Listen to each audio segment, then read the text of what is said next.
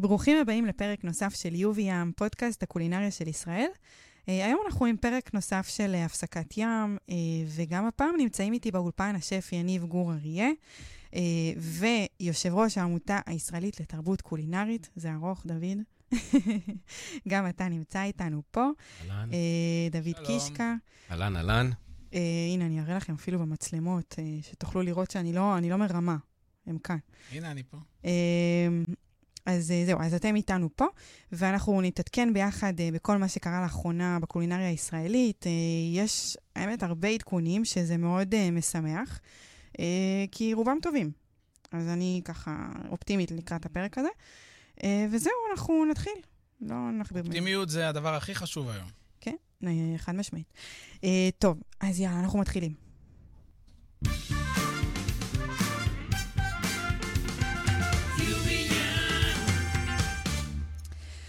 טוב, אה, אז כמו שאמרתי, באמת יש לנו הרבה על מה לדבר, אה, ואנחנו נתחיל אה, עם כל מיני, ככה, אני ריכזתי לנו את כל החדשות המרעישות שהיו מעבר לים דווקא, והיו הרבה, יפות כאלה, ממש עסיסיות. זאת אומרת, היה את ברנג'ה של השף תום אביב, שהיא נכנסה לשתי רשימות במיאמי, ברנג'ה במיאמי כמובן. אה, היא נפתחה לא מזמן, ככה שזה אה, כמובן גם כל הרשימות שהיא נכנסה אליהן, שתיהן, הן באמת של מסעדות חדשות. ויש את אה, מגזין איטר ואת אה, ניו יורק פוסט, אה, שתיהן אה, הכלילו אותה כמסעדה חדשה טובה, אה, שזה מאוד אה, יפה ומרשים. ו... מזל טוב, מברוק. כן, לגמרי. אה, זה לא, לא, כאילו, הוא בא מאוד נחוש. הוא היה פה בריאיון והוא באמת אה, ככה היה בכיוון שאני רוצה להוכיח את עצמי אה, ולתת בראש עם המסעדה הזאת. אה, ודי האמנתי שגם זה מה שהולך להיות, אז אני שמחה בשבילו שזה אשכרה קרה. זה לא פשוט.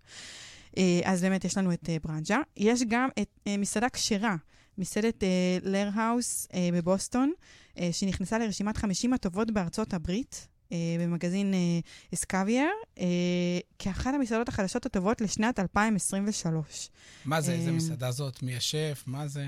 אה, תשמע, אתה היית צריך לעשות אה, תחקיר, אם לא עשית, אז... אה, אבל, אה, סתם, אני צוחקת. אבל באמת, אה, האמת שלא... בדיוק חזרתי מבוסטון, בדיוק, ורוצה הוא חזר לספר. מבוסטון.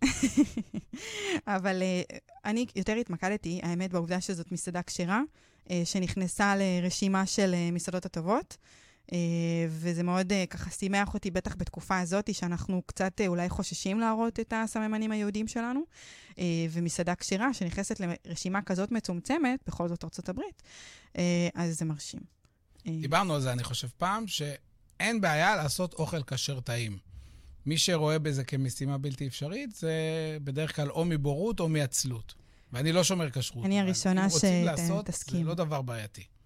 כן, תשמע, אה, בסוף, אה, גם בבית, כשאתה מבשל, סתם, אתה יודע, דוגמה הכי כאילו הארדקור כזאת, אה, שאני, אני, אני מבשלת בבית כשר, אוקיי? ואני מבשלת דברים בסך הכל הילדים אוהבים, בעלי אוהב. חמותי מבשלת כשר, כאילו, בסוף, הבית שאנחנו מגיעים ממנו, כל התבשילים והזה, הם תבשילים כביכול כשרים. כן, אבל את יודעת, לחם עם שוקולד השחר לא תקבלי דירוג בשום. אתה בא אליי עכשיו, זה, שם אותי פה למשפט. לא, האמת שזה נוטלה, קודם כל, בואו בוא נדייק בפרטים. אבל כן. אה, אז חוזרת רגע למסעדות שלנו מעבר לים, מסעדת ברטה אה, של קבוצת מחנה יהודה, היא גם זכתה אה, בתואר מצטיינת בתחום העיצוב. שזה, אנחנו מתחילים לראות יותר ויותר קולות כאלה של עיצוב שמגיע, שנכנס לתמונה כפרס. נכון. אז, גם היבה, היבה נכון, קיבלה השבוע. גם ממש. היבה קיבלה, וזה היה גם מאוד מאוד מרשים. זה בדיוק באמת... היא בה ה- באמת מסעדה מאוד יפה. בברטה לא נכון. הייתי, אבל מזל טוב כמובן, אבל היא במסעדה יפהפייה, אין אפס. כן, אה, חד משמעית. כבר, ה... אני חושבת שכבר כשהיא נפתחה, זה היה אחד הדברים שמאוד אה, אפיינו אותה, אה, הנראות שלה וה... יש לה vibe של קופנהגן. נכון, ממש. מאוד, מאוד נקי, מאוד כזה, vibe גבוה כזה של fine dining, שאנחנו רואים בעיקר, האמת, בחו"ל, והוא כן, אבל יוסי שטרית הביא את זה לא לפה. של אה, צרפת, מפות לבנות לא, וזה, אלא נכון. באמת style סקנדינבי כזה עם השולחנות עץ, עם האי אה, באמצע, ו... מה שהגיע אחרי זה, נגיד R48 שהגיע אחרי אה, איבה, די לקחה גם את הכיוון הזה, של הסקנדינבי הזה, שגם מאוד אהבתי. אני אישית מאוד מתחברת לאנרגיות האלה. אז גם שם ראינו את זה. מי שהיה, אני הייתי ואהבתי. אה, ואיבה באמת, אה, אין מה להגיד, זה לגיטימי לחלוטין, לפחות אני מאשרת את הפרס הזה, נותנת לו אישור, אה, שזה אה, מגיע. חד משמעית, ואני רק אציין למי שלא יודע, היפה ביותר בעולם, כן? של מגזין העיצוב ואינטריור דיזיין, מרשים, אין מה להגיד. כבוד. כן. עכשיו, אה, באמת, אחד הדיונים המאוד מרכזיים שהיו לנו פה זה הנושא הזה של אה, עד כמה באמת, אה, איך אנחנו הולכים לראות את הקולינריה הישראלית, היהודית, אה, אה, מופצת בעולם, באיזה תצורה, אה, איך אנחנו, איזה תגובות נקבל כלפי הקולינריה שלנו. אה, ומרגיש לי דווקא שחזינו לא נכון. אני חזיתי לא נכון.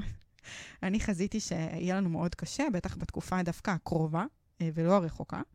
ואנחנו רואים פה אה, רשימות שאחת אחרי השנייה מכניסות אה, מסעדות של אה, מסעדות ישראליות, יהודיות, לרשימה. תראי, כבר בספר שמות כתוב, וכאשר יענו אותו, כן ירבה וכן יפרוץ. ואני חושב שבסוף, בסוף, אוכל טוב זה אוכל טוב. כאילו, כן. עם כל זה שיש גם סוציולוגיה ופוליטיקה ומיליון דברים מסביב, אי אפשר להכחיש כשאוכל טוב. והמטבח הזה, הים תיכוני, הישראלי, ה- ה Mediterranean, איך שלא נקרא לו, הוא טעים, והוא טוב, והוא מתאים גם לאורח החיים המודרני. ו Mediterranean diet זה גם כן דבר שמדברים עליו בלי קשר, והשפים מאוד מוכשרים ועושים עבודה מאומצת וטובה, ורואים תוצאות. זה ככה עובד, זה as simple as that. אני, אני לא יודע אם אפשר להתייחס לזה, אבל ב, במבט אה, שהוא קשור למצב. פעם כן. שעברה, אגב, דיברנו הרבה דווקא על האנטישמיות וונדליזם, עדיין אנחנו רואים. כן, כן. זה לא משהו שעבר. אה, בדוגמאות שנתת, נגיד אולי, באמת, ה- Lehrhaus, למשל, הוא בסומרוויל, זה אה, פרבר של אה, בוסטון, וזה מקום, זה לא בדיוק... מס... דוד כן עשה תחקיר, רק... זה לא, לא, כי זה נכון. לא בדיוק מסעדה. אני אגיד לך, זה לא בדיוק מסעדה, זה, אוקיי. זה מרכז לימודי. יש שם ספרייה, ספרים. אה, התעניינתי קצת, נכנסתי לאתר שלהם ולראות באמת תפריט שהוא אה, אה, נותן, נותן במה למאכלים אה, יהודים, יש לומר, אה, אה, אוכל מזרח, אה, מזרח אירופאי, האוכל המזרח יהודי, אז אה, סלט ביצים, הרינג וכאלה יותר, אה, והוא מעין מרכז לימוד.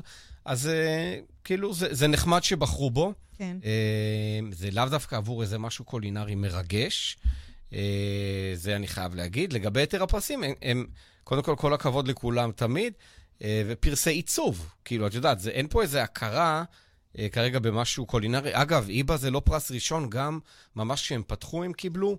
אה, יש לומר שהאדריכל זה פיצו קדם, שממש עשה את זה, אבל ב... ב עם המון הנחיה של הגשמת החלום של יוסי שטרית. שיוסי מאוד ידע מה הוא רוצה להביא, האלמנטים שם, אמרת, יניב, סקנדינבי, אפשר להכניס גם את היפני, אה, נכון. אה, שמאוד מאפיין שם, אה, וחלוקי נחל, ועץ, אדמה, זאת אומרת, זה באמת, המסעדה באמת היא מאוד יפה. לא, יוסי גם היה מעורב בכל... היה מעורב בהכל, בהכל. בהכל, בוחר הכל, והכפיות עץ שמייצרים במיוחד בשבילו, הוא אינטואיט ממש. אה, יש לומר, פעם פיצו קדם בריאיון, אמר שאילו יוסי לא היה שף, הוא כנראה היה אדריכל, אני זוכר את זה. גם מה שיפה באיבה, שהשפה העיצובית של המקום, היא מאוד מדברת עם השפה העיצובית של האוכל. זאת אומרת, יוסי יש לו גם טאץ' מאוד אה, מיוחד באיך שהאוכל שלו נראה, וזה מתחבר לאיך שהמקום נראה. כי לגמרי. צריך להיות רצף אחד, זה לא יכול להיות שהמקום הוא מאוד מרושל והאוכל סופר מוקפד, או להפך. לגמרי. אז זה... טוב, אפשר עוד על יוסי באמת זה, אבל לא באנו לדבר על היבה, אלא גם, אבל את שאלת באמת איך זה בשביל ה, ל- המצב שנקלענו אליו, אז היית אופטימית. אני לא יודע אם אפשר לקחת את זה כ, כסממן אה, למצב שנוצר, וככל שגם המלחמה הזאת תתקדם, אנחנו דווקא ממשיכים לראות אותה יהודייה שלא הכניסו לתא שירותים, אותו ונדליזם, אה, אה, אה, אה, שכל ה- From the river to the sea שקורים עדיין מחוץ למסעדות, אני חושב שעוד מוקדם. כמובן, אני א', מברך את כולם, מברוק לכולם. אה, תום אביב, אה, שיודע להביא גם את ה... באמת את האווירה הזאת, זה איטר מגזין של מיאמי.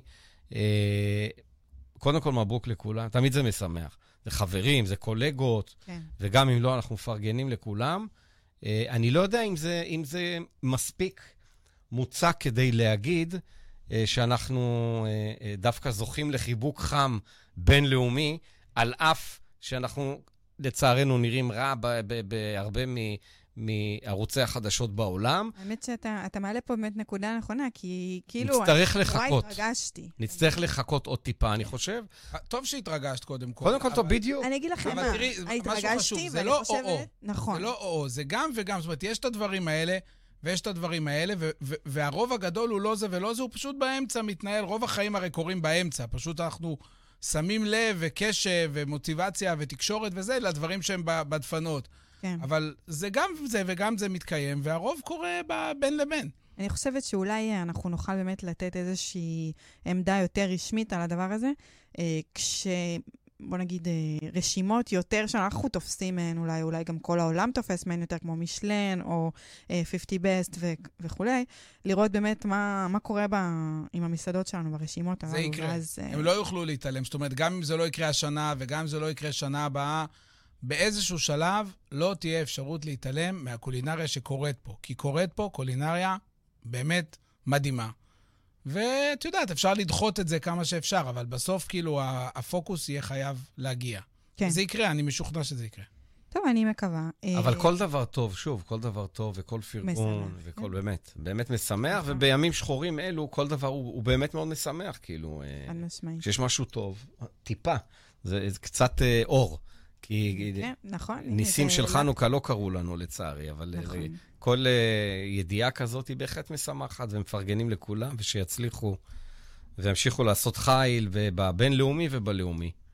לגמרי. אה, כן, אני, טוב, אני באמת מקווה, קודם כל לא התחלנו את הפרק עם משהו שהוא באמת חשוב, אנחנו לא יכולים אה, להתחיל פרק ולא להגיד אה, שאנחנו מקווים שעד אה, יום ראשון, כשהפרק הזה יצא, ואני מאוד מקווה שאני לא אה, אופטימית, עם אופטימיות יתרה, אלא שזה ממש משהו ממשי, אה, שיתר החטופים יחזרו. אה, זאת אמן. התקווה. וזה משהו שצריך רגע לעשות פוס וכן אמן. לדבר אני עליו. מתקשה לראות את זה, זה לא, אנחנו פה לא מדינאים, אנחנו ממש- אנשי קולינריה, נכון. אבל יש לנו גם דעה, ואנחנו קצת רואים מה קורה. אני, לצערי, כאילו, כן? אני מתקשה לראות את זה קורה עד יום ראשון. אמן. באמת, כאילו... אין לגמרי. ספק שזה החיים עצמם, ואנחנו בעצם באנו לפה להעיר נישה שהיא יחסית קטנה ביחס לדברים הגדולים שקורים בימים האלה, אבל אני חושב שזה כן חשוב שאנחנו מתמקדים בקולינריה ומאירים את הנישות האלה, כי בסוף צריך לשמור על החיים, כדי שכשכל הדבר הזה ייגמר, יהיה חיים לחזור אליהם. וגם עכשיו אנשים צריכים את הפינות האלה של החיים להיאחז בהם. דיברנו על זה הרבה גם בפרק נכון. הקודם, ולכן כאילו, כמובן ש, ש, שזה לא סותר את זה שרוב המחשבות שלנו נמצאות שם, אבל אני אגיד לכם, חשוב. אה, אולי זה שאנחנו גם, אה, אנחנו מציגים פה לפעמים גם מסעדות חדשות, גם זה יהיה בפרק הזה. אה, אנחנו נותנים קצת, מעוררים קצת את הקהל כדי לעזור לאותן מסעדות. אז יש לזה חשיבות חד משמעית, לא- אותי אתם לא צריכים לשכנע. אני חושבת שרק אנחנו, רציתי באמת ככה לשים, לתת להם פה מקום. אוכל זה פסיכולוג. אה, אבל כן, אוכל זה פסיכולוג. אה, אני, אנחנו נעבור כזה במעבר חד אה, לנושא שכן כבר דיברנו עליו, דיברנו על OCD ועל העובדה שהיא נפתחה כהמבורגריה. אה, הספקת ללכת כבר? אז לא הספקתי, לא הספקתי. אני גם עוד לא הלכתי. אני הספקתי. אה, אז חיכיתי, חיכיתי שמישהו. מכם יגיד... לא הייתי שם, אבל כן הזמנתי משלוח, אוקיי. ואני חזרתי כדי לספר, מה שנקרא. יאללה, תפאדל. כי אני עוד לא הספקתי. אז קודם כל, מדובר, מדובר בהמבורגר מצוין, ובמנה שהיא באופן כללי מצוינת גם מבחינת ההרכב, עם הצ'יזבורגר ועם, ה, ועם הרטבים והתוספות שהם שמים.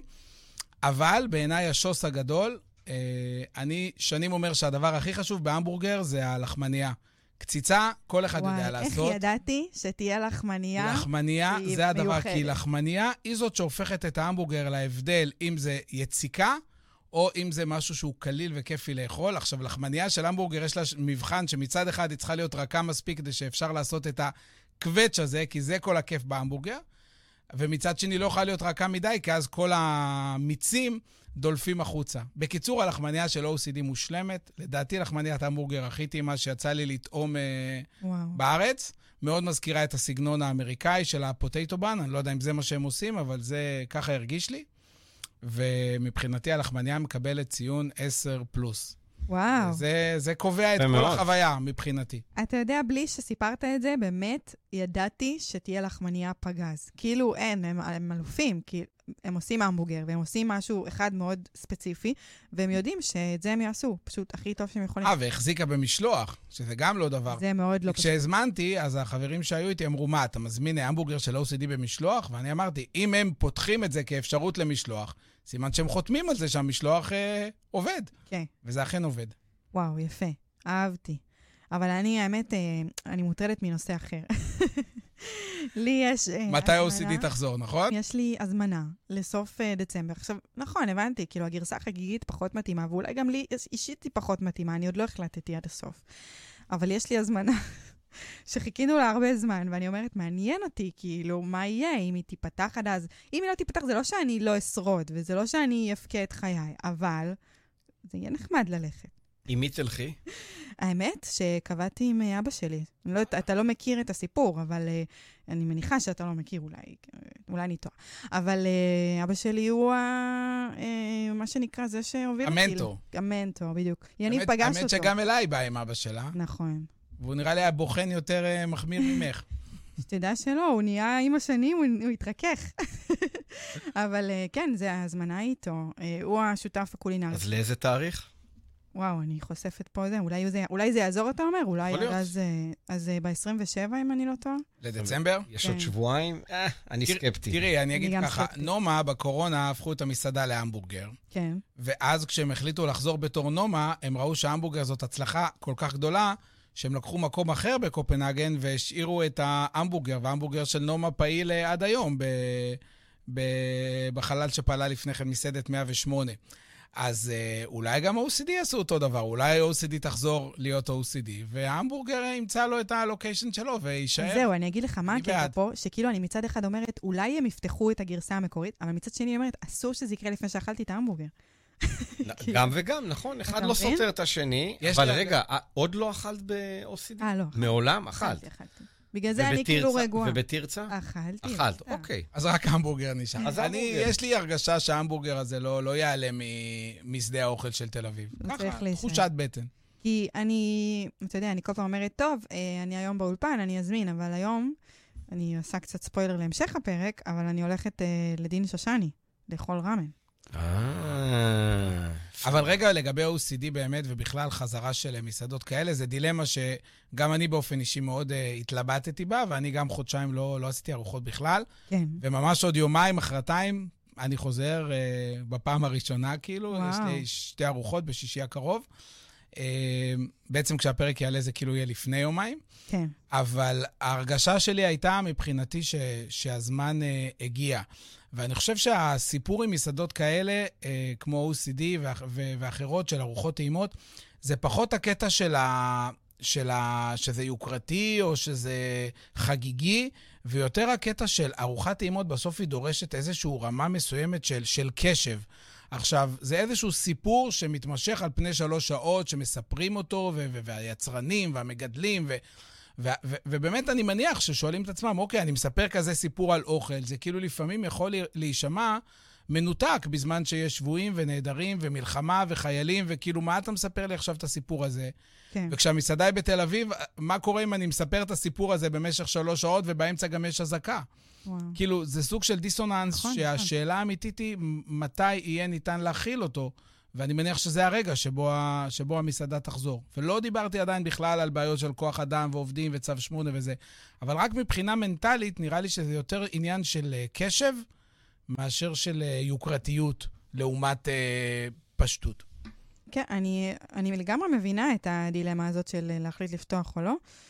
בסדר, אני מניחה שהם יעדכנו יחסית אה, בזמן סביר כשזה יקרה.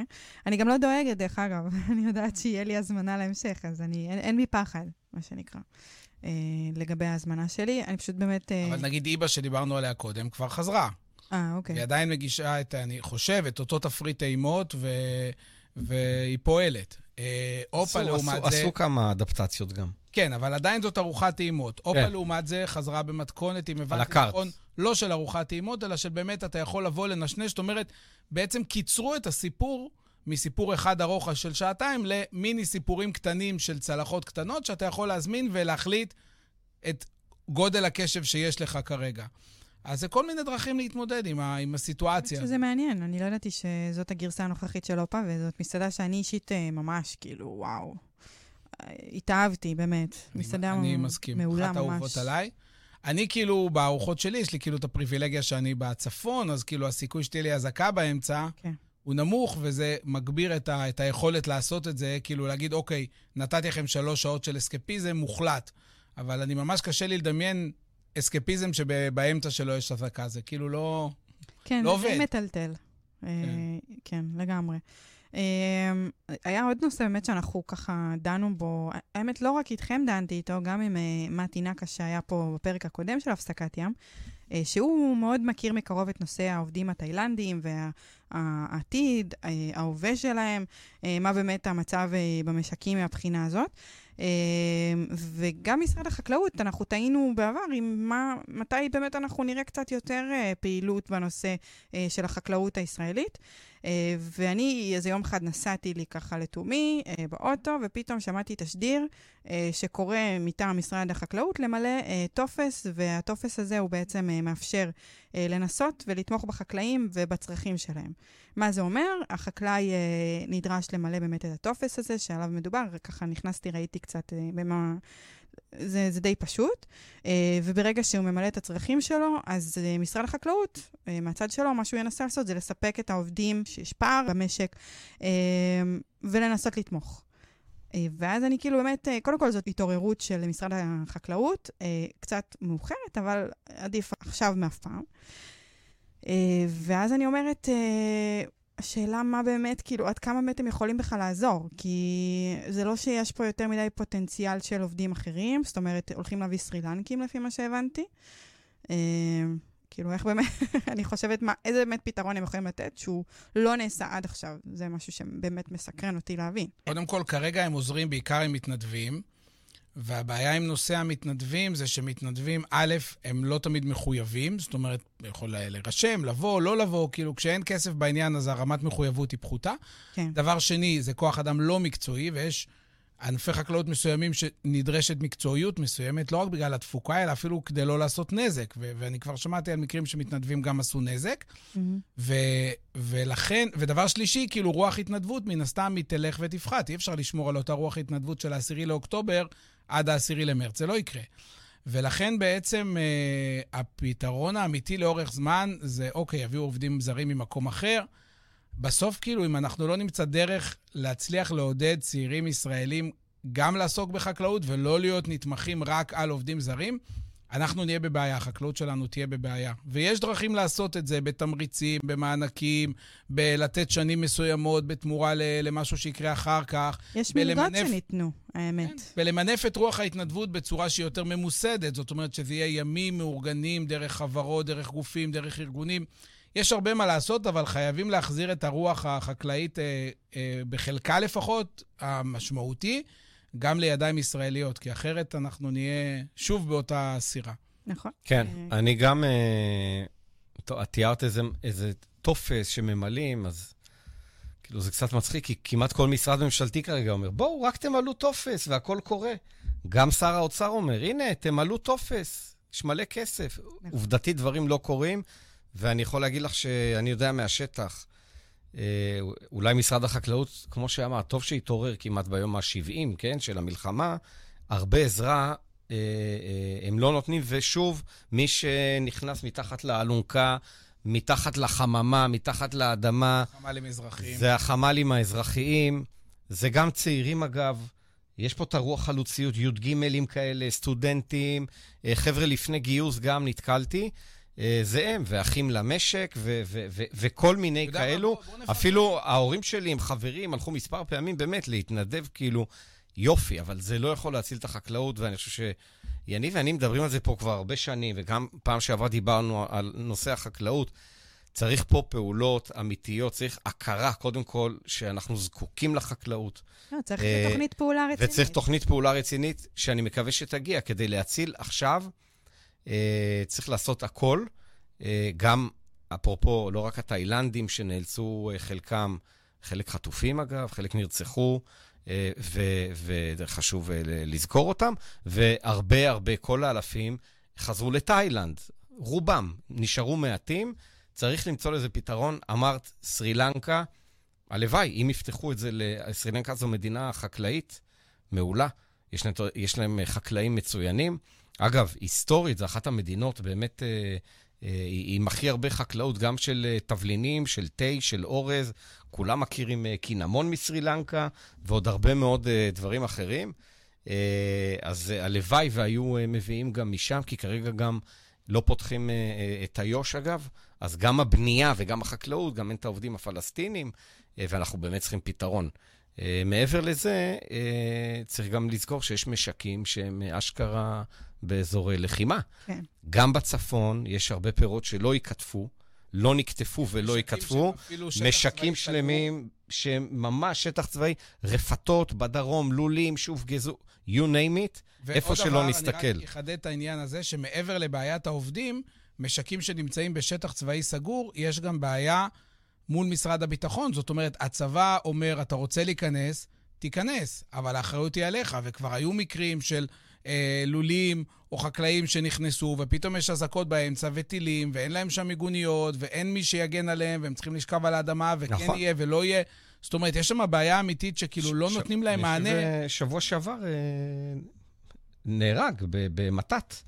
חקלאי שהגיע לשטח אדמה שלו, אז עובדתית יש קושי. והם לא יכולים לא לבוא לשטח, כי בעצם הפיצוי לא מפצה אותם על כל ההפסד שלהם, ואם הם הולכים לשטח הם מסכנים את עצמם.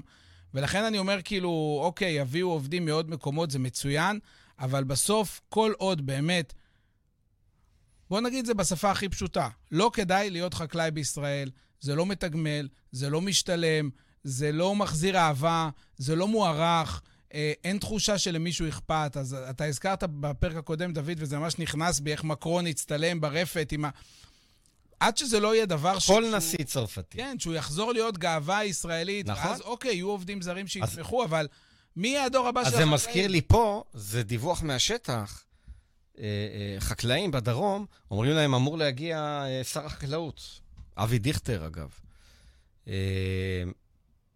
אז מגיע רכב, מנופף להם, לא ירד אפילו. מה אתה אומר? כן, מנופף לשלום. ובוא נודה על אה, האמת, הוא היה מעדיף כנראה להיות שר המודיעין, שר הביטחון, שר הזה. זה כאילו משרד החקלאות זה עדיין אה, בהרבה מקרים מין משרד אה, ברירת מחדל כזה שמקבל מי שלא קיבל... אבל זו רמת הניתוק, אתה יודע, זו רמת הניתוק. למרות שזה השיא של החשיבות. ואני אומר, בסוף, הרבה לפני המלחמה יצא לי לדבר עם הרבה מאוד חקלאים, מבוגרים מאוד, דרך אגב, אם תבדקי את הגיל הממוצע של חקלאים בארץ, הוא יחסית מאוד גבוה. שנגיד דיברתי איתם על חקלאות מחדשת, אז אמרתי, הבריאות של האדמה, כדי שגם ה- ה- הילדים שלכם יוכלו לאבד אותה. אמרו לי, אתה מטומטם? אתה באמת חושב שאני רוצה שהילדים שלי יאבדו את האדמה הזאת? אני אעמוד פה ושהילדים שלי יהיו הייטקיסטים, כאילו, לא, לא רוצים בכלל. כן. החקלאים לא רוצים שהילדים שלהם יהיו חקלאים. זאת אומרת, עד שהדבר הזה לא יהפך להיות משהו שהוא תרבות, ושהוא חלק מתרבות, ושיש לו חשיבות ותמיכה והערכה, אז זה לא משנה מאיפה נביא וכמה עובדים זרים נביא. כי זה משהו שהוא צריך להיות יותר... אם, אם המצב הזה צריך להיות מנוף לשינוי, זה קודם כל שינוי מנטלי. ובגלל זה אני רוצה רגע, דוד, הזכרת את החמ"לים האזרחיים, אני ממש רוצה לפרגן להם כן. בשמות. אז בואו נזכיר את אחים למשק, מבית אחים לנשק. בואו נזכיר את צו 8 לחקלאות של אה, אוהד רוט. בואו נזכיר את קונים חקלאות ישראלית של מיכל ביטרמן. אה, אנשים באמת משכמם ומעלה, שפשוט באו ועשו מעשה, ופה המקום באמת לפרגן להם. כל הכבוד לכם, באמת. כל הכבוד, נכון. חד משמעית. ואני גם חייב להגיד, אבל אה, כל, לא כל, הרבה, הרבה, הרבה מאזרחיות ואזרחי ישראל, באמת שבסוף גם קונים את, ה, את הירקות ואת הפירות, וממש אה, ממש נרתמים. העורף הוא, הוא, הוא משמעותי, הוא נותן רוח גבית ל, ל, ל, לחיילים, לחקלאים, לכל מי שעכשיו רק צריך את זה. לפחות ממה שאני רואה סביבי, יש פה, באמת, יש פה את העוצמה הזאת של, ה, של עם ישראל, שזה באמת הכי יפה. מנהל גדול אה, שהשפיע מאוד על חיי, לימד אותי פעם, הוא אמר לי שתי מילים, bottom up. כל מה שאתה רוצה שיקרה, הוא חייב להתחיל מלמטה. נכון. ואז זה מגיע. כשזה מגיע בפקודות, זה לא, זה לא עובד. נכון. הנה עוד משהו שהגיע אה, מלמטה, סתם. אבל אה, תוכנית... הוא במעבר חד, מעבר כן. חד. אה, יש את תוכנית הריאליטי, אה, משחקי השף, אה, תוכנית מאוד פופולרית, אה, שלאחרונה היה המון דיונים אה, על כמות השפים אה, שנמצאים בפאנל אה, של השיפוט. אה, היו שישה, ולפני כן היו שלושה, ועכשיו שוב אנחנו מוצאים את עצמנו עם שלושה היה גם פעם. ארבעה. היה ארבעה גם, נכון. Uh, בעונה האחרונה באמת היו, התווספו שלושה שפים נוספים, היה את uh, השף רז רב, את תומר הגיא ואת uh, תמר כהן צדק. Uh, שאני שמחתי שלפחות שפית אחת התווספה לפאנל הזה של uh, שישה שופטים, סך הכל. ובאמת עכשיו, uh, שזו די החלטה שמובנת לי לאור המצב, באמת חוזרים למתכונת של שלושה שופטים. אבל, מה, למה? כי מה? למה? כי כאילו הכל, כל התוכניות כרגע הולכות על vibe שהוא מאוד uh, כזה אינטימי ופחות uh, משהו מפוצץ ומרגש ובלגן כזה בסט וכאילו, ושמחה וצהלה. Uh, וכשיש שישה שופטים, אני מניחה שזה הרבה יותר uh, כזה שמח ואנרגטי. מאשר שלושה שהם ככה רציניים, כזה כבר עברו דרך, וכאילו כולם עברו דרך, אבל הם כבר כאילו בתוכנית uh, כל כך הרבה זמן. Uh, ואני פשוט ציפיתי שנכון, כאילו, בסדר, הם רצו פשוט להחזיר את המצב למקור, ושלושת השפים שכבר היו, ובסדר. Uh, אבל בכל זאת, היה מקום, לפי דעתי, שכן תהיה אישה, שפית. אה, כל זה הבנתי. כל זה בשביל... רגע, אז קודם כל בוא נתחיל. האישה- נתחיל, אבל לדעתי, זה תקציבי. צריך לומר, אני לא חושב שזה עניין של השמחה ושל התקופה.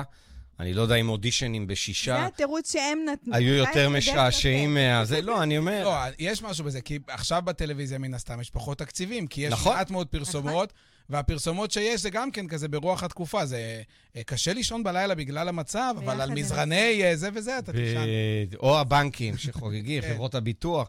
אני חושב, לדעתי זה עניין של תקציב. תראי, אני אוהב את כל השישה, באמת. אה, חברים, ואני אוהב את כל השישה, ואני חושב שכל אחד גם... אנחנו נוציא אותך מהדיון הזה. כל- כל אחד... לא, לא, אני, אני יודעת, אני, אני לא חושב שיש... אה, לא, זה... אני זה לא מכיר את כל ה... אני, אני לא מכיר גם את כל השיקולים שם עד הסוף, אני מניח שזה משהו תקציבי, ובסוף, כן, יש אה, סוס מנצח, לפעמים צריך להמשיך איתו. אה, אמרת שאין אישה, זה נכון. אני לא יודע אם...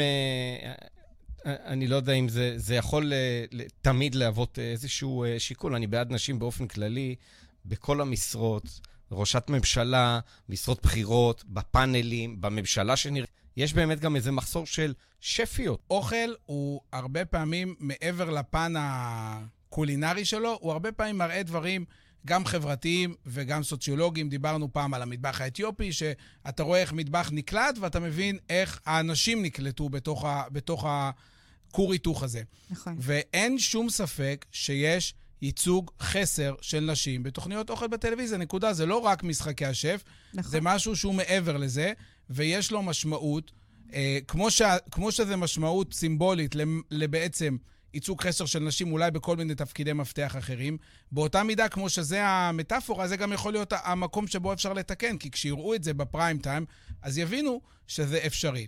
ואם כבר מדברים על ייצוג חסר, אז בואו נדבר על עוד ייצוג חסר אחד שהוא כזה הפיל שבחדר, אבל גם שף ערבי מעולם לא שפט בשום פאנל של שום תוכנית בישול בישראל. בואו, יש לזה משמעות. אנחנו מדברים על כור היתוך ועל להיות ביחד ועל לנסות להביא איזשהו דו-קיום.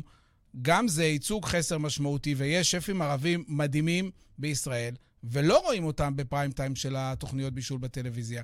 זאת אומרת, אין ספק שמי נמצא שם מהווה ביטוי למי נקלט ומי לא נקלט. ואני הייתי רוצה לראות, כן, הייתי רוצה לראות באותו מקום ערבים ונשים ואתיופים ו- ואשכנזים וספרדים, ו- ובאמת איזשהו מגוון שהוא הוא יפהפה בעיניי, והוא חסר. לי אישית הוא אני מאוד פה חסר. ספציפית, אני אגיד לך, רק בגלל שכבר הייתה אה, שפית בפאנל, אז כאילו, אה, זה נורא קל לחזור פשוט לשלישייה שהייתה ולהגיד, אוקיי, זה מה שהיה ועם זה נמשיך, כאילו. אבל מצד שני, כבר היא הייתה, היא כבר הייתה חלק מהפעילות, אז, אז כאילו, השאיפה שלי הייתה שלפחות אחד מהשלושה אה, הנוספים יישארו... אה, תראי, כמו ש... זה אולי... אני חושב שהיו, באמת, היו שיקולים שהם בטח אה, זה יותר גדול מרק משחקי השם. מעמיקים יותר. ב- באותה נשימה, חשוב לציין, כן, יש אה, רותי ברודו, כבר רצה גם עם חיים כהן ב-MKR, גם משחקי ש... כמובן אה, מיכל אנסקי, רותי לא, רוס, אבל רותי רוסו. ש, שגם הייתה בתוכנית ריאליטי ועכשיו אותו אבל אוכל עם דווקא אסף פה חסר גרנית. השפיות, כי רותי אז- ברודו ורותי רוסו אז- וחלנסקי שהן מדהימות. אז יש גם ייצוג, אבל, חשוב לומר. שמייצגות באמת את, את... ובאמת יש הרבה יותר ייצוג של נשים במקומות שזה שפה ושיח וכאלה, אבל נגיד רותי שהיא באה כמסעדנית, בעיניי זה ייצוג מאוד מאוד חשוב. אבל שפית זה עוד פוזיציה, שאנשים גם כאילו יש להם איזו תפיסה אולי בראש ששף זה מקצוע מאוד גברי וה... ופיזי, לא, אבל אתה יודע והשעות מה והזה. שאתה אומר... אבל יש, יש היום בארץ שפיות מדהימות. אני יכול למנות. לך פה עכשיו עשר שפיות מדהימות שפועלות היום בישראל, וחלקם נכון. בוודאות יש להם גם נוכחות טלוויזיונית מצוינת. בואו, כאילו, איפה הם? ואני אומר, זה הרבה יותר גבוה, ואני רוצה להגיד, משחקי השף בעיניי תוכנית מעולה. נכון. ראיתי את כל הפרקים של כל העונות, אחלה תוכנית. אני מת על התוכנית הזאת, והיא מביאה הרבה כבוד לא, לאוכל, והיא עשתה גם הרבה שינויים, אה, אה, לדעתי, תפיסתיים של... של איך צריך לחשוב על אוכל בדברים מאוד יפים שעשו שם גם ארז קומרובסקי וגם אסף וגם בעונה האחרונה אה, אה, אה, רז ו, ואחרים כמובן, אבל זה יותר גדול ממשחקי השף. זה משהו שחייב תיקון. אגב. עם, אה, עם אה, עורכת, כן? אישה, שגם מובילה, אה, מיכל אדלר, שמובילה את משחקי השף, ובמאסטר שף דורית גבירצמן, זאת אומרת שנשים גם, יש להן חשיבות, משמעות ב- בתוכניות הכי הכי חשובות האלו שלנו. יכול להיות לגבי אותו תיקון עם השפית, אבל אתה גם אמרת, אז שף ערבי, ואז נגיד, מגדרית, הרבה עוד חסרים לנו על המסך. נכון, אבל יש יש הרבה- שהגיוון- יש הרבה דברים שחסרים על המסך שאנחנו לא תמיד אה, רואים אותם, ויש אני, האמת, יש המון המון שיקולים. בסוף טלוויזיה זאת תעשייה אה, שצריכה לגלגל כסף, ויש גם אבל יש לה הרבה גם מאוד אחריות. שיקולים שלא תמיד נראים לעין. אבל היא משפיעה על תודעה, ויש לה גם אחריות. וכן, גיוון זה דבר חשוב, חשוב מאוד. מסכימים? ואם כבר האמת, משחקי רגע, השף... לגבי משפט שאתה Mm. אמרת, כי אמרת באמת אה, אה, מסעדנית על אה, אה, רותי ברודו, שהיא באמת די בולטת בקשת, בכל העשייה שלה. אה, ואני חושבת שבאמת כן חשוב שיהיה שפית. אה, שממש, מה שנקרא, במקצוע עצמו, לכניסה למטבח, שהיא באה ונמצאת בפרונט. חד משמעית, שמבשלת, שנותנת ה- הוראות לטבחים, כן, שאומרים לה כן שף. וזה לא בדיוק. רק זה, זה לא רק העניין שבאמת היא כאילו הבוסית גם, שיראו שהיא יכולה לנהל את הדבר הזה, אלא גם העניין שיבינו שהיא יכולה להוציא אוכל טעים. כאילו התפיסה הזאת ש, שאישה היא מספיק, ששפית היא מספיק מקצועית. כדי להוציא אוכל שהוא טעים ואיכותי. כי כאילו כשאתה שם אותה רק בעמדת המסעדנית, אז אוקיי, היא יודעת לנהל אה, אה, כלכלית. כן, זה כמו שתגידי, אה, יש אישה במשחקי השף, מירי בועדנה. אבל, נכון. אבל זה לא מספיק, צריך שיהיה כן. באמת את, ה, בדיוק. את הבן אדם בתוך המטבח. חד אבל אם כבר מדברים כן. על משחקי השף, אני פונה אה, לצוות ההפקה בקריאה נרגשת, אם אתם שומעים אותנו. אני רוצה פרק אה, אדמה לאדם בעונה הבאה של משחקי השף. הופה. פרק שכולו ירקות אה, מוצלים. אם אתם. בעניין, אתם יודעים איפה למצוא אותי, רעיון טוב. ואני גם אדע איפה למצוא אתכם, אני אחפור לכם, אל תדאגו. אנחנו צריכים לפרק הבא אולי לחשוב על עוד רעיונות לתת להם, כי ממש עכשיו הם מתחילים אה, לבנות את התוכנית, אולי אנחנו נעזור להם. ת, תבואו עם זה לפרק הבא. אה, אז אה, באמת, ככה, עד עכשיו היינו מאוד סוערים בתוכנית, אבל אני רוצה... בוא נהיה יותר סוערים. בוא נהיה יותר סוערים, ואני רוצה לנצל את ההיכרות שלך, יניב, עם פודטק ישראלים. לפני המלחמה לפחות אני יודעת שהיית כל הזמן בהתקשרות ומכיר ונחשף ויודע, אה, ואני כזה דרכך הייתי כזה מתלהבת מכל מיני דברים שאתה אה, מספר עליהם. אה, והייתי רוצה שגם למאזינים אתה תמצא איזשהו פודטק או יצרן מקומי שבא לך לספר עליו, לחשוף, לחשוף אותו או לפרגן לו, מה, ש, מה שזורם לך. וואו. עסק של אישה, אגב, אם אתה יכול, יניב. תראו, שוק הפודטק בארץ הוא שוק רותח בצורה מדהימה, ויש פה מיזמים יפהפיים, חלקם אה, יהפכו בעתיד להיות דברים גדולים, חלקם אולי לא, אבל העשייה היא באמת בהתרחשות כל הזמן, ובגלל שגם אני מכיר הרבה חברות דרך, ה, דרך ה, אה, העבודה שלי גם עם שטראוס והחממה של שטראוס, אז באמת יש דברים אה, מאוד מאוד אה, יפים, וככה... התלבטתי, כי באמת יש המון המון אה, תחומים בפודטק לפרגן להם, ואני חושב שגם הגשר בין ה... בין ה... אה, קולינריה, לבין, בין הקולינריה לבין התעשייה, שהיו כאילו מתנהלים בנפרד לגמרי במשך המון שנים, הפודטק קצת יוצר את הגשר הזה, כי הוא מאפשר לעשות דברים שהם קולינריים, גם ב scale גבוה. הוא כאילו פותר את הדברים שפעם או לוותר, או רק חומר משמר, או רק אה, להוריד באיכות וזה, ופתאום דרך טכנולוגיה אפשר לפתור המון המון דברים, וזה יפהפה. אה, ובסוף החלטתי אה, לפרגן הפעם, אבל אני רוצה שיהיה לי פינה קבועה, שנוכל להמשיך לפרגן לעוד אה, זה חברות. קבוע, זה יש קבוע. המון. קבוע. אבל אנחנו למה? ב- היום... הוא הרבה בקשות דרך הזה שלך. אבל הכל אה? מוקלט, אתה מבין? תראה, כן, משחקי השף הוא רוצה זה, עכשיו פינה על פודטק. תראה, אני כבר פה, באתי לעבוד. יפה מאוד. אפשר קריאה נרגשת גם לממשלה, שתעזור. כן, אפרופו אה, נשים, רגע, אני חותך אה, אחורה. כן. אה, בוא, בוא, בוא שיהיו לנו שרות בממשלה. אמרתי, אני רוצה ומנכ"ליות ר- במשרדי ראש- ראשת. ממשלה, באמת, ו- ו- והיותר אה, שרות. אז ככה, אחד התחומים שהכי אה, חזקים בעולם הפודטק זה התחום של תחליפי הבשר. וזה בעצם הרעיון של, חל, אה, נקרא לזה התחום של ה plant based. זאת אומרת, לקחת חלבון צמחי ולהפוך אותו להיות מרכז הצלחת. עכשיו, בשוק הזה של תחליפי הבשר יש בעצם שתי גישות אה, עיקריות. הגישה הראשונה נקראת הגישה האנלוגית, שהיא אומרת, ככה זה בשר, אני רוצה לעשות אותו דבר, רק מהצומח. וזה כל ההמבורגר מהצומח, נתחים אה, שאמורים להיות בטעם או במרקם של בשר, יש כאלה שאפילו עושים בטעם של בשר ספציפי, כמו כבש או חזיר או סלמון, וככה הלאה, אה, ומזה אנחנו מכירים את ביונד מיט ואת אה, כל החבר'ה האלה. אה, ואנחנו שמים לב ש... רגע, והגישה השנייה היא הגישה הלא אנלוגית. זאת אומרת שהיא אומרת, אני רוצה לעשות משהו מהצומח, שהוא יודע להיות מרכז הצלחת, שהוא יודע להיות משהו שהוא מספק בתור מרכז המנה, אבל הוא לא צריך להיות דומה לבשר, והוא לא אמור להתחרות עם בשר בשום צורה. כן. דוגמה קלאסית לזה, לא, לא מעולם הפודטק, זה טופו. כן, טופו זה חלבון אה, מהצומח, שיושב במרכז צלחת, והוא לא מנסה ולא רוצה להיות דומה לבשר, הוא, הוא מה שהוא. אה, אני אישית הרבה יותר אה, אוהב את הסוג השני, הלא אנלוגי, אה, ואנחנו גם רואים שהשוק גם דומה לי קצת, זאת אומרת, אנחנו רואים שכל הדברים שהם נורא נורא אמורים להיות בול כמו בשר, א', בדרך כלל זה לא קורה ונוצרת אכזבה, ואנחנו רואים שיש הייפ גדול של ניסיון, ואחר כך זה הולך ו- ויורד, והשוק הזה של תחליפי בשר אנלוגיים הוא בירידה. כן. ואחת הסיבות לזה זה גם בגלל שרובנו לא טבעונים, אלא מפחיתי בשר. עכשיו, אם אתמול אכלתי המבורגר, למה שהיום אני ארצה לאכול המבורגר צמחי? אני אחפש משהו אחר שהוא לא בשר, אבל הוא לא צריך להיות דומה להמבורגר שאכלתי אתמול. כן. אז מתוך כל הדבר הזה, אני רוצה לפרגן לחברה בשם More Foods. אוקיי. שהיא חברת אה, פודטק ישראלית, שגם אה, מציגה חלבון מהצומח שהוא לא אה, אנלוגי לבשר, אלא הוא מה שהוא. אה, גם טעים, גם במרקם טוב, וגם אה, מחוברת לתחום שאליי מאוד קרוב, קרוב וזה צמצום אה, בזבוז מזון. מה מורפודס בעצם עושה? יש תעשייה בעולם שנקראת תעשיית השמן, שמן חמניות, שמן גרעיני דלעת. בעצם סוחטים את השמן מתוך אותו גרעין, ונותר בסוף משהו שאנחנו קוראים לו הפרס קייק, החומר היבש שלא הופך להיות שמן.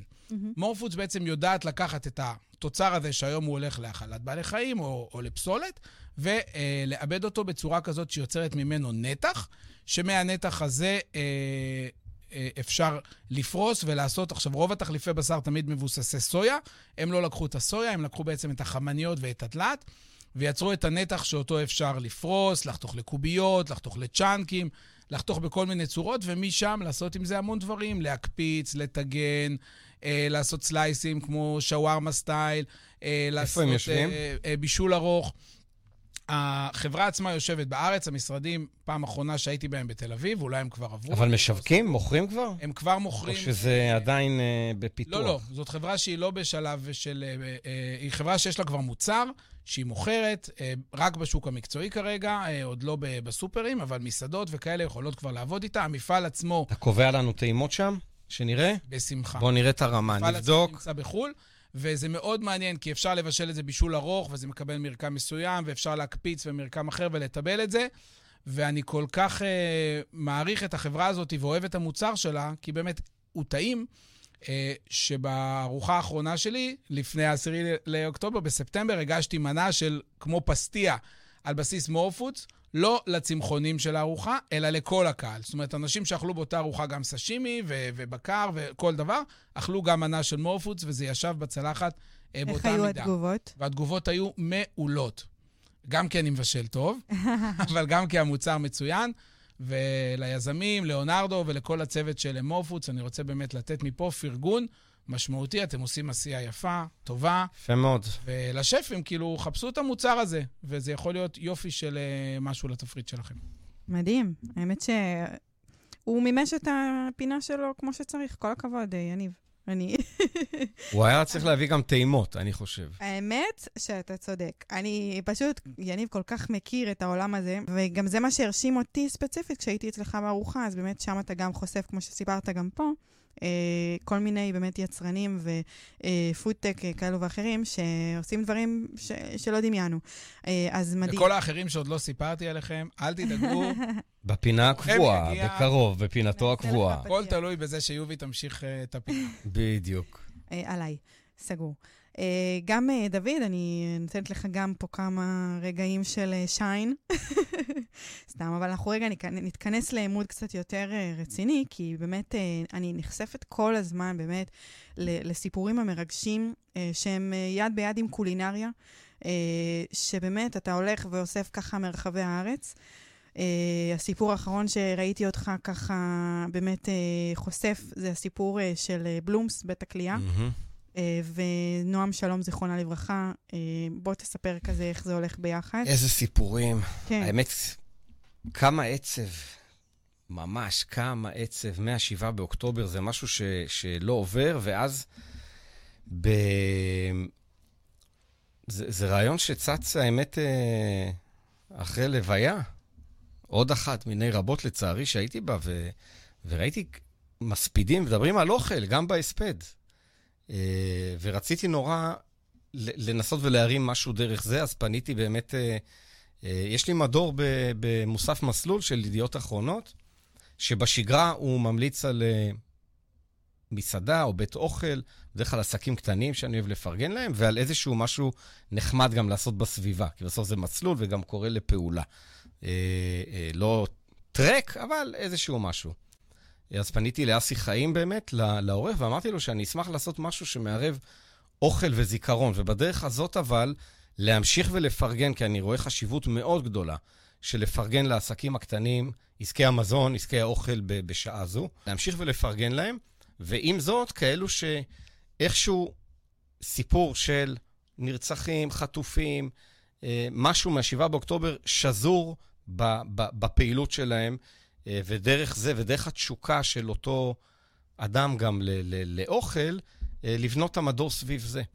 אה, אז באמת יוצא מדור חמישי כבר, ואני גם באופן אישי כל פעם דרך זה נחשף לעוד סיפור לעומק, שזה גם משהו שהוא מאוד מאוד משמעותי וחשוב עבורי.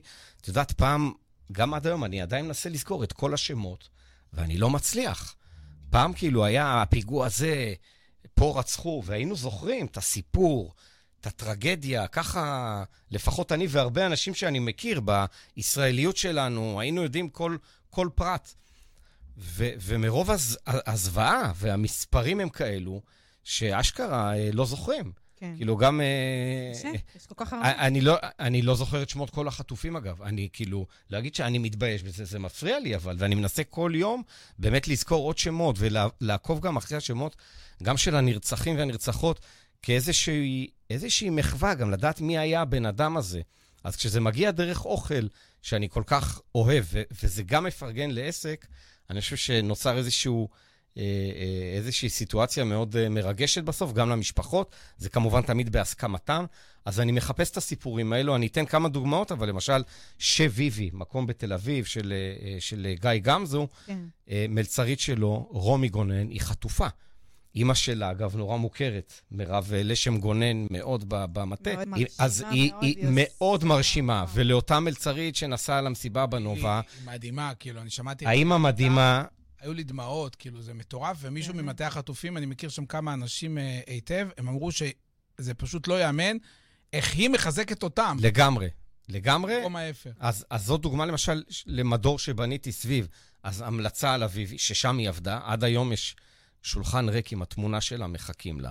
דוגמה נוספת, זה באמת מה שאת אה, קראת לאחרונה, זה עגלת קפה של אה, אסף חניה, אה, בלומס בפרדס חנה.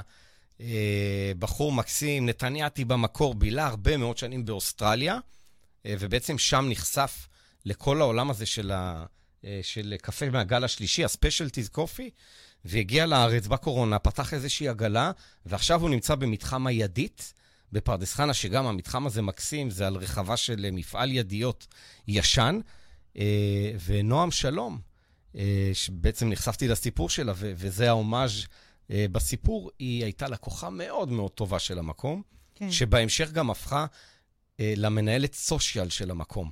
מקום שהייתה מגיעה אליו ואומרת, היי בית, הגעתי. זאת אומרת, מישהי שמאוד נקשרה, וכולם גם נקשרו אליה. אה, היא מאוד אהבה קולד ברו עם אה, חלב שיבולת שועל. אחרי הגילוי מצבה, 100 אנשים, כולל הוריה וכל המשפחה, בעצם הגיעו אל הקפה, וכולם הזמינו בקבוקי קולד ברו. אה, אה, אה, ודיברו עליה והנציחו אותה ככה, ועד היום יש שם כמובן נר זיכרון, ועכשיו הוא עובד על בלנד קפה מיוחד. אגב, הוא עובד הרבה עם קפה מ... בגלל שהוא היה באוסטרליה, אוסטרליה יחסית, אוסטרליה רחוקה מכל מקום, אבל יחסית קרובה לאינדונזיה. באינדונזיה יש קפה מטורף. גם בג'אווה וגם בסומטרה, הוא מביא קפה סומ... מסומטרה יוצא מן הכלל, והולך לעשות איזשהו בלנד מיוחד עם uh, לוגו של הקעקוע, היה לה קעקוע לנועם שלום, זיכרונה לברכה, סלף uh, לוב. Uh, אז הולכת להיות גם מדבקה על הבלנד הזה של הקפה, שהולכים להציע למכירה במקום, וחלק מההכנסות גם ילכו למשפחה. Uh, ובאמת זו, זו מישהי מקסימה שלמדתי להכיר לצערי, מאוחר מדי. היא נרצחה, היא, היא אגב, טיפ, היא הספיקה לטפל בכמה מהפצועים אה, בתוך אמבולנס. היא נרצחה יחד עם חברה, הם היו שלוש חברות. חברה אחת כן חזרה, אה, וגם הייתה באותו אה, הומאז' קפה, והמשפחה ממשיכה להגיע למקום הזה אה, פעם, פעמיים בשבוע. ואסף הוא אדם גם מאוד, אה, הוא, הוא באמת, הוא מאוד אהב אותה. אה, והייתה ביניהם גם אה, אה, חיבה גדולה לקפה, אז זה ממש... זה סיפורים שאני נחשף אליהם, שבאמת, הם מרגשים אותי. אה, ואני גם שמח, שוב, אני גם יכול להמליץ על בית עסק שאני חושב שבאמת זקוק כרגע לתמיכה וחיבוק, גם בגלל העצב, אבל גם בגלל, גם כלכלית. ועל הדרך להנציח מישהו דרך העולם הזה ששלושתנו חולקים, שזה באמת עם, עם תשוקה לאוכל. מישהו שאהב אוכל, שהייתה לו תשוקה, שעבד ב, ב, ב, במסעדה או בעסק מתחום האוכל, אז זו הזדמנות. אז באמת כל יום שני בעצם uh, המדור יוצא, ויהיה עכשיו הפעם החמישית. זה בעצם מחר. Uh, uh, כן, מחר. מחר זה גם הולך לזה בוויינט, אז uh, אני מאוד שמח שיש לי את ההזדמנות לעשות את זה. לצערי, נראה שאין סוף uh, סיפורים. אגב, מי שיש לו סיפור, הנה, כמו שיניב קורא ל... מי שיש לו... מנצל את הבמה. מנצל את הבמה, באמת, מי שיש לו סיפור אבל, אז אני אשמח שייצרו קשר ואני אשמח לתת לזה במה. אה, להנציח מישהו, אבל שוב, זה חייב להיות דרך משהו שקשור ל, ל, ל, ל, לעסק מתחום האוכל שאפשר גם לפרגן לו, כי זו חלק זה. מהמהות, כן. אני חייבת... ותודה שנתת לי גם לספר על זה. אני, אני אמת, אה, מהמקום שלי, אתה יודע, אני קראתי אה, כבר כמה סיפורים כאלה שבאמת סיפרת, מאוד מרגש. אותי ספציפית גם מאוד מרגש כשמחברים זיכרון ואוכל, ו... גם uh, דברים שהם פחות נעימים. בוא נגיד, הסיפור הזה הוא לא סיפור נעים, שבסופו של דבר נרצחה במסיבה, אחרי שבסך הכל, אתה יודע, אנחנו כל הזמן מדברים על זה, בסך הכל באו לרקוד. היא נרצחה, ובאמת אסף, שאני מאוד אוהבת אותו גם, אני מכירה אותו ככה כבר... גם, גם בהרבה סטורים שלך ראיתי. נכון, אני באה אליו המון, בשבילי זה המון נחמה להגיע אליו. Uh, ו... כי המקום קסום, והוא איש חמוד, מיוחד. פשוט, באמת, מקום קסום. ממש. והוא מיוחד, ולא מפתיע אותי לרגע שהוא לקח את הסיפור שלה, של מישהי שהייתה קרובה אליו כל כך, ועשה מזה אה, משהו שייתן קצת אור בימים כאלו. Uh, ואני שמחה שיש מי שמתעד את זה, כי זה חשוב גם לתת לזה מקום. Uh, כי זה באמת עשייה מאוד יפה. אני חושב שזה מה ש, שכל כך מדהים בעולם הזה של אוכל, זה מה שכל כך מרתק אותי בו, זה שבאמת אוכל נמצא שם בכל מקום, הוא נמצא בלידה, הוא נמצא במוות, הוא נמצא כאילו ב, ברגעים הכי אה, כואבים, והוא נמצא ברגעים הכי שמחים. זאת אומרת, זה לא משהו של רק פינוק או רק זה, זה באמת מעין תיעוד לחיים, אה, כולם דרך האוכל, ובסוף זה, זה בדיוק כמו שאתה חייב את האוכל לקיום של הגוף שלך מצד אחד, בלי אוכל אתה, אתה מת. ומצד שני זה כאילו דבר שהוא גם תרבותי ויצירתי ו- ורוחני, ואני חושב שדווקא בגלל זה חשובה העשייה שלנו בעולם הזה של האוכל גם בימים האלה, כי זה לא רק עניין של uh, להתפנק, זה באמת משהו שהוא סופר משמעותי לחיים שלנו, הגופניים והמנטליים. כן. ובלי אה, קשר, כאילו, גמרת אותי עכשיו עם הסיפור הזה. ממש. זה- זה- לא, זה גם לי הייתה צמרמורת תוך כדי, ואני בטוחה שגם המאזינים איתנו... אה, אז זה באמת אה, זה, אני כל שבוע, באמת, זה סיפורים, אין, זה עצב, העצב הוא לא נגמר. ואתה אמרת משהו עכשיו על השמות, וזה הזכיר לי גם בשיחה שלנו על החקלאות, כאילו שכששוחררו חלק מהתאילנדים, אז גם אם מדברים על כבוד למי ש, ש, שעוסק בזה, ומי שעושה גם את זה בשבילנו, אז דיברו, אמרו את השמות של כל מי שהשתחרר, ועוד עשרה תאילנדים. כאילו, מה איתם? גם להם יש שמות. מתי היה פה, והוא אמר, גם הם להם יש פשוט לא יודעים. אז לא או. יודעים. שלא יודעים, אני שמעתי שגם... לא, מתי שהוא פורסם, אגב. מתי לא שהוא פורסם, גם לי, זה היה נורא חשוב, העליתי אצלי, אגב, גם אבל כאילו, באינסטגרם. האנשים האלה זה לא העובדים התאילנדים כאיזה קולקטיב, זה כל אחד מהם, זה בן אדם שבא לפה עם חיים, עם סיפור, נכון. עם דברים, והאמת שאם תצליח להגיע גם לסיפור כזה, וואו, כאילו, זה, אני בטוח שזה יהיה מאוד קשה, אבל אם יש למישהו סיפור כזה, אני חושב שמאוד כדאי כאילו לפנות לדוד ולנסות אני אשמח. לחשוף אותו. יאללה. Um, אני ככה אקח אה, מהמקום שלי, של הנחמה, קצת הזכרתי את זה שאני מנצלת את בלומס באמת למקום הזה עבורי. Uh, ומצאתי את עצמי בכל uh, שישי שבו uh, דולב uh, לא נמצא, הוא נמצא במילואים. Uh, מנסה כן קצת uh, ללכת לנשום אוויר לפני הסופש. הנחמה שאני ככה מצאתי לאחרונה במקום באמת uh, ש... וואו, כל כך נהניתי שם את הכמה שעות של בוקר בשישי, זה היה הקבינה אה, בכפר אס. אה, שבאמת אה, מדהים, כי הם פתחו שם כאילו עגלת קפה. אתם יודעים, עגלת קפה זה כזה משהו מאוד נפוץ כבר, ואפשר למצוא אה, בהמון אזורים בארץ. אה, ומה שהם עשו, הם פתחו מקום שהוא מאוד קהילתי. אם אתם תגיעו, אתם תראו שכזה כולם מכירים את כולם כזה, אה, יש כזה אווירה שמחה, למרות המצב, הם כאילו לא שמחה, אלא יותר נינוחה, יותר ככה אה, אה, אווירה כזאת של שישי. משהו שהרבה זמן לא יצא לי לחוות. Uh, והגעתי לשם, וקודם כל התור הוא מטורף, כי האוכל באמת טעים. זאת אומרת, שם זה לא רק ה- לבוא לקחת איזה מאפה שאפשר לבצוע אותו ולהתלהב, אלא באמת, יש שם uh, קולינריה שהיא עם חשיבה, התפריט הוא מאוד מגוון. Uh, ואני אתן לכם דוגמה, כאילו טוסט, אוקיי? טוסט, כן, טוסט זה משהו פשוט, כאילו. Uh, אבל הוא לא היה פשוט, הם קוראים לו טוסט בורו. Uh, מבורו מרקט, כאילו, uh, אחד השפים, יש לו איזה סיפור כזה שהוא חווה בשוק בורו מרקט בלונדון, והוא חזר עם זה, והוא החליט שהוא עושה את הטוסט הזה, זה טוסט כזה מאוד עשיר, עם צ'דר ומוצרלה ובצל ירוק בפנים, והוא ככה נמתח. בשר גם? לא, לא להגזים. אה, לא, בשר וחלב. אני לא לא, אוכלת. היא אני- אוכלת אני- כשר. אני בבורו מרקט, חושב פשוט הזיכרון לא. שלי זה לטוסט עם אה, רוסביף בפנים, שעד עכשיו אני עוד מרגיש את הטעם עכשיו שלו. אני מר- מתחילה לחשוב, אולי הוא לא באמת מאזין לכל הפרקים. בסדר, אנחנו נבדוק, נעשה בוחן פתח אחרי זה. אבל uh, ככה נמתח טוב כזה, כמו שאני אוהבת, כאילו עסיסי וקולינרי כזה, ככה משהו לצלם יפה, אבל גם שטעים, והוא גדול גם. באתי לשם עם אחותי, לא סיימנו אותו. חייבת לומר, הם. נדיבים, כן. אז זה כאילו כולה טוסט, אבל מה זה התלהבתי ברמות? היה שם אה, יום שישי, אז הם עשו מגש קובאנה כזה. אה, שהיא הייתה שם עוגתית כזאת, ורכה, והגיעה עם שמנת ועגבניות, וכזה נותנים ביס עם כל דבר, וזה וואו, ממש ממש טעים. אה, וואו, היה שם באמת כאילו חוויה, אני ככה נתתי highlights, אבל אפילו, הנה, איך אני שוכחת אותו, איזה בושה.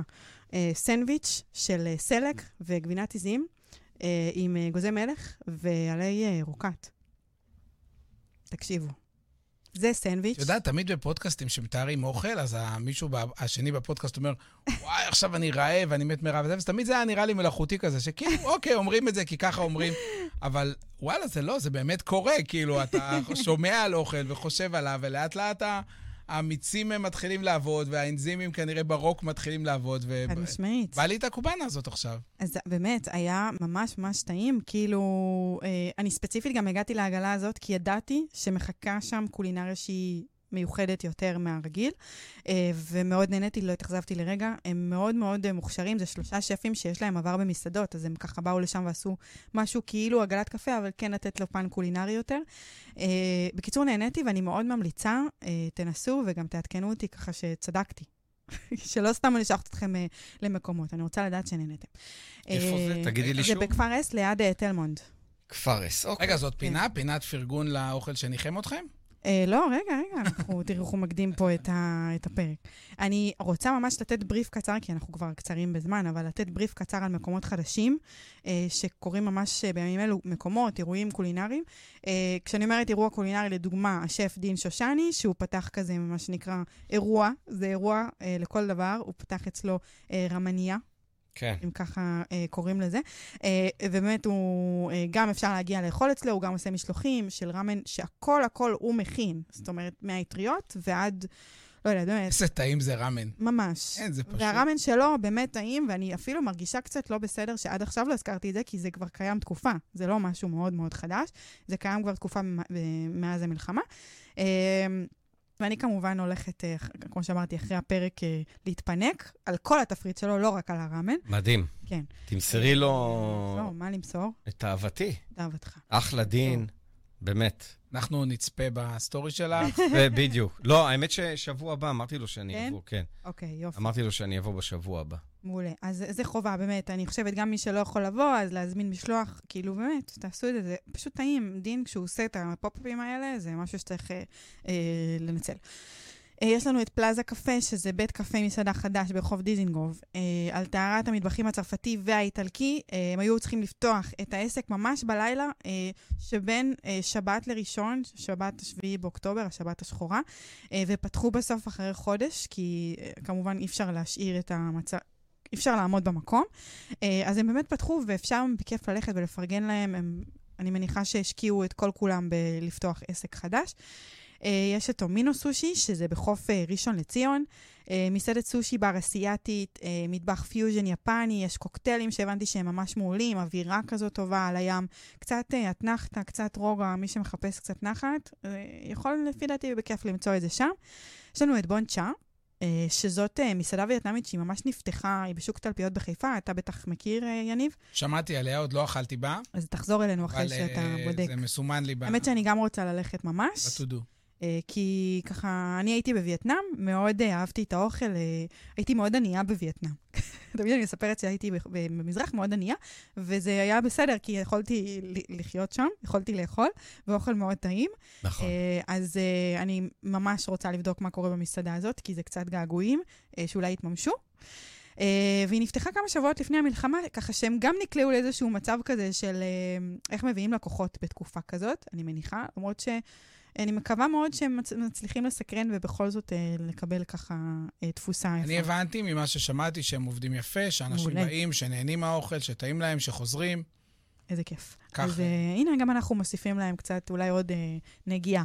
אה, יש לנו את פיקאסו, שזה פטיסרי חדש לערן שוורצברד, אה, בראשון לציון גם כן, אה, שזה בעצם חבירה שלו למותג הקייטרינג אה, פיקאסו. אה, והוא לאחרונה, אני מזכירה, הוא סגר את המקום שלו בשרונה מרקט, אז זה נחמד שהוא כן חוזר אלינו, פשוט אה, ב title חדש קצת, הצלחה. אחר. לגמרי, בהצלחה. בהצלחה. בהצלחה לכולם. לגמרי. אז זה ככה היה בריף קצר. אני כן רוצה שנסיים עם עוד קצת נחמה אה, שלנו, האישית. אה, כי בימים אלו באמת אנחנו, כל אחד מוצא איך להתמודד קולינרית עם הסיטואציה, עם המצב, עם המציאות שנכפתה עלינו. אה, ואוכל הפך להיות, אני חושבת, נחמה אצל הרבה מאוד אנשים. אם הוא לא היה עד אותו רגע, אז אני חושבת שהוא כן כבר תופס מקום. אה, אני בעד שנעשה. מזה פינה. פינת? ה-comfort food. אני, יאללה, אני... זה יכול להיות משהו שהכנתם, הנה עוד משהו שיניב מכניס ל-. ממש. אני עושה לך את ה line-up כבר לפעם הבאה, שיהיה לך קל. אני צריכה לרשום, לא רשמתי. אני בסדר, אני אזין אחרי זה, אני אבדוק מה אנחנו סגרנו פה. אה, אבל אני רוצה שכל אחד ישתף כזה באיזו מנה או מאכל אה, אתם מוצאים את הנחמה. אה, במיוחד בתקופה הזאת. אני כמובן, אה, אני אהיה נדושה, ואני אגיד שהאוכל של חמותי הוא קודם כל כ title האוכל שהכי מנחם אותי, ואם אני כן צוללת פנימה, אז יש את החמין שלה, אה, שתמיד אני מאלה שלוקחות קופסאות. אני היחידה שלוקחת קופסה, דרך אגב, כי אני לא משאירה לאף אחד של כלום. חמותה, היא קונה פה שקט אה, לשנתיים, שלוש לדעתי, זה... יש- בגזרה המשפחתית. יש לי סלוגן לזה, חמין-. וחמותי. יפה. וואו, יפה. אני לוקחת קופסה ככה מקדושה, אה, מפוצצת אותה ולא משאירה כלום לאף אחד, אה, וזהו, אני מרוצה. אז אה, זה הנחמה שלי. מה, מה איתכם? מה מנחם אתכם? תראי, קודם כל, comfort food, אני לא יודע אם היה צריך לחכות למלחמה כדי להבין שיש לו, יש לו משמעות ותפקיד, ואפילו עוד מוקדם לדבר על התפקיד שהיה לאוכל בזמן מלחמה, כי אני רואה את זה all over, באמת. ובהקשר של באמת, של מנחם, של משמח, האשים שעושים לחיילים, ודרך אגב, גם את, החמין, הזה, השבת.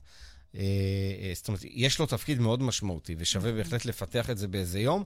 אני אגיד על עצמי, אני... אה, אני מחפש משהו שהוא היה מאוד, אה, אולי גם אה, שונה. בשלושה שבועות הראשונים מצאתי את עצמי טוחן גלידות, ממש, בלילה. מודה. נאלצתי גם להפסיק עם זה, כי הרגשתי שזה מדי גם, באמת, גם מדי סוכר, שאני עם סוכר פחות ישן טוב, אבל גם ככה לא ישנתי טוב, דרך אגב. הרבה הרבה גלידה היה לי, שאני אוהב גלידה, אבל זה לא איזה זה, ופה מצאתי את עצמי בשלושה שבועות הראשונים, באמת, כל לילה עם, אה, עם גלידות מכל מיני מקומות, מגוון. אה, הייתה הזדמנות באמת לאכול אה, גלידות לא תעשייתיות מדי, טובות. אבל גם, אני חושב באמת, אם דיברת על בית, האוכל של בית, הדברים הפשוטים, אני גם לא יצאתי למסעדה, כאילו, מאז ה-7 באוקטובר, למעט צהריים אחד עם חברים ומשפחה בבית התאילנדי. הבית התאילנדי הוא בית בשבילי, אגב, אה, הרבה מאוד שנים, הרבה הרבה מאוד שנים, ו- ושם אני... זה מקום שאני יכול להגיד שזה אוכל שאני מוצא בו באמת אה, אה, נחמה, גם באנשים שאני, הם חברים, וגם באוכל עצמו. אה, גם טיפה, אבל מכל השווקים, שווקי איכרים וזה שאני מאוד אוהב, אז גם לקנות ולהכין לעצמי. אה, בגדול, אני חושב שזה בסוף, ה-comfort food שלי זה כן אה, לחשוב על דברים שאני אוהב מאוד, איפה יש את הפלנק סטייק, איזה נתח בשר טוב, לנסוע למקום, להביא את הירקות הטובים ולהכין את זה לעצמי. אה, ולנסות גם אה, עכשיו מהדברים הפשוטים, באמת, כאילו, לגמרי. הדברים שיש לי הכי הרבה געגוע זה, זה הדברים הפשוטים בסופו של דבר. אני יכולה להבין. אז יש לי גם שניים. כן, בטח. אז uh, אני מסכים, comfort food בדרך כלל מתקשר לדברים שאתה, שאתה מכיר ושמנחמים אותך באיזשהו מקום. אז אני רוצה להגיד, קודם כל, uh, כל יום שישי אנחנו עושים שוק, אדמה לאדם, בתוך החצר של הבית בד, בריש לקיש, בציפורי. וקודם כל, השוק הזה הוא קודם כל מנחם אותי, שאני בא ויש אנשים טובים, ויש אווירה, ויש יין, וזה, זה כבר אני נכנס לאווירה של ה-comfort zone שלי. אה, ותמיד אנחנו מארחים שף, כל פעם שף אחר, ותמיד עושה מנה בפיתה. ואני מוצא את עצמי שאני גם כן מחכה לפיתה הזאת כל השבוע, לדעת מה יעשה השף של השבוע בפיתה. ובתוך השוק הזה של אדמה לאדם יש את, ה, אה, את הטאבון, שעליו עובדת, יש את עלי, עלי הוא עמוד התווך של, אה, של ריש לקיש, מי שמכיר. הבת שלו, שירין, עומדת על הטאבון ועושה פיתות. היא עושה גם את הפיתות לשפים שהם ממלאים, והיא עושה גם פיתות עם זאטר, אבל היא עושה גם פתאייר. Mm. עכשיו, אנחנו, חלק מה, מהירקות שאנחנו מצילים זה עלים. והצענו כמויות אדירות של עלי בטטה, שאנשים לא יודעים שאפשר לאכול, ועשינו מזה מעין תבשיל כזה עם בצל וסומק וזה, כמו שעושים מטרד, יוצא מדהים. יותר טעים לפי דעתי מטרד, והבאתי את זה לשירין, אמרתי לה, מזה תעשי פתאייר. אז בהתחלה היא כזה הסתכלה עליי, כאילו, מה, אתה, אתה מטומטם, כאילו? אבל היא עשתה פעם, פעמיים, והיא גם בעצמה נדלקה על זה, אמרה לי, זה טעים. וכל יום שישי עושה את הפתאייר עלי בטטה הזה, ואני מוצא את עצמי מה... מהאוטו כבר, כאילו, יודע שזה הדבר הראשון שאני רוצה לאכול ושבאמת ינחם אותי, והפתאייר עלי בטטה של שירין הפך להיות מבחינתי... נשמע טוב. ה-comfort food ש, שמזוהה... יותר טוב מעולש? עם, ה, עם התקופה. Uh, אני חושב שהוא בדיוק באזורים האלה של העולש, של העולש בר, שיש לו גם קצת את הריריות הרכות וגם את, מצד שני, הנגיסות. הוא מדהים. עכשיו בא לי זה, הייתי אוכל. אז אני לא מבינה למה הוא בא לאולפן בלי דוגמה. זה תבוא ביום שישי לשוק. רק לא בשישי הזה. אבל שישי הבא, כשיעלה הפרק, שישי הבא כבר כן. אז זה כאילו מתחבר לי, כי זה גם מה שאני מתעסק איתו, וההצלה וזה, וה, וה, והשוק, וזה הכל מתחבר, זה בדיוק מנחם אותי, שיש טוב בעולם הזה. אה, והדבר השני, בגלל שאנחנו עכשיו בחנוכה, הפרק הזה אומנם, אה, אומנם אה, יעלה כבר לא יהיה חנוכה, אבל סופגניות בצד, אני חולה על לביבות. ואני חושב שהרבה אנשים עושים סופגניות טעימות, אבל בלביבות אין עליי בעולם. הלביבות שלי... למה לא הבאת? הנה, בבקשה. למה לא הבאת? בבקשה, אני אתן לך. זהו, צריך לייסד את פינת למה לא הבאת. בדיוק, עוד פינה. עכשיו, מה הקטע? למה הלביבות שלי כאלה טעימות? כי זה בדיוק המקום של ה-comfort food, אני משלב שם שני זיכרונות. זאת אומרת, יש את הלטקס, שזה התפוח אדמה המגורד, ויש את הלביבות שאני גדלתי עליהן בבית המרוקאי, שזה לביבות שעושים מתפוח אדמה מעוך, מפירה. ואז כאילו לפעמים ממלאים, לפעמים מתגנים, זה הקציצות תפוחי אדמה של אימא שלי. חיברתי אותם, ובעצם מה שאני עושה, 80-90 אחוז מהתפוח אדמה אני מגרד, ועוד, אני מוסיף לזה איזה 10-15 אחוז של אה, אה, תפוח אדמה מעוך פירה, ואז יש מצד אחד את הנמוכות הזאת של הלביבה שגדלתי עליה, מצד שני את הקראנצ'יות של הלטקס, זה גם די נוח תפעולית, כי זה, הפירה מחזיק את זה טוב, זה לא מתפרק, קל לטגן. וכל שנה, לא משנה כמה אני מכין, שהמשפחה באה או שחברים באים, כאילו, אה, זוכרים משנה שעברה, אה, האחיינית שלי, עופרי, היא רוצה את הלביבות, כאילו מודיעים לי מראש, הכנתי איזה 90 לביבות נראה לי, כשבאה המשפחה. תביא לנו פעם הבאה. לא נשאר אחד. לא הבנתי את ה... אה, יניב. ועם אה, שמנת חמוצה מעורבבת בחזרת ופלפל שחור ליד, שטובלים. אני מבקש שתהיה לנו פינה. עכשיו בא לי את זה. מה יניב יביא לנו לפעם הבאה? זאת הפינה.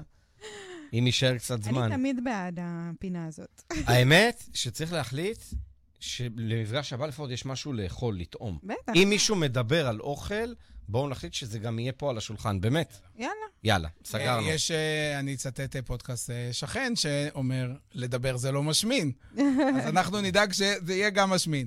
יאללה, בסדר, אני, אני בעד המשמין. סגור. כאילו, אני, אני לא יודעת אם אתם יודעים, אני בדיאטת השמנה. באמת? כן, אני בדיאטת השמנה. ככה יוצא. אתן לך כמה המלצות.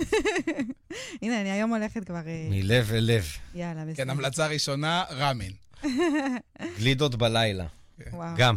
גם כשאמרת גלידות, דרך אגב, רציתי גלידה באותו רגע. אז אולי תחשוב לפעם הבאה מה אתה עושה. להביא, יאללה.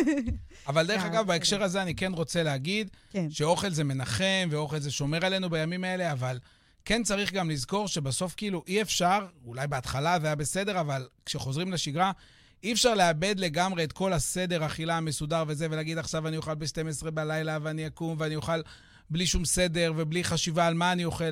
זה גם לא דרך. בסוף, היות שאוכל הוא כל כך חשוב למנטלית גם בשבילנו, אז חשוב גם לשים לב מה אנחנו אוכלים, לא, בעיקר, גם בתקופה הזאת, אפילו בעיקר בתקופה הזאת, ולראות שבאמת אוכלים טוב, אוכלים ירקות, אוכלים דגנים, אוכלים קטניות, אוכלים פירות, אה, אוכלים ביצים, כאילו באמת שומרים על, ה, על האכילה כמו שצריך. ונראה לי שהדיאטת השמנה שלך היא גם אה, קצת קשורה לזה, כי יש כאלה שאוכלים גלידה ב-12 בלילה, ויש כאלה שמפסיקים לאכול, ושתיהן תגובות קולינריות לגיטימיות למצב כזה. עזוב, אני מקבלת הודעות מהצד שאני מרמה. לחזור לאכול כמו שצריך. הם רואים אותי נותנת ביס במלא דברים, אז חושבים שאני מרמה, אבל זה לא רמאות, חברים. יאללה, זהו. אני חושבת שהיה פה פרק ממש, אה, יש לנו הרבה עם מה לעבוד. לכם, המאזינים, יש הרבה עבודה גם מהצד שלכם, אה, לפרגן. אה, לקחת מפה המון כלים הלאה. נתנו שיעורי בית, זה פרק עם שיעורי בית למאזינים. אנחנו גורמים גם למאזינים לעבוד. אני מבקשת לחזור אליי עם תובנות. כל מאזין ומאזין. שלא יהיה פה... נו, אנחנו פודקאסט אינטראקטיבי. יאללה, תודה רבה. תודה. ניפגש. תודה, יניב. תודה. תודה, יובי. ביי. ביי. ביי.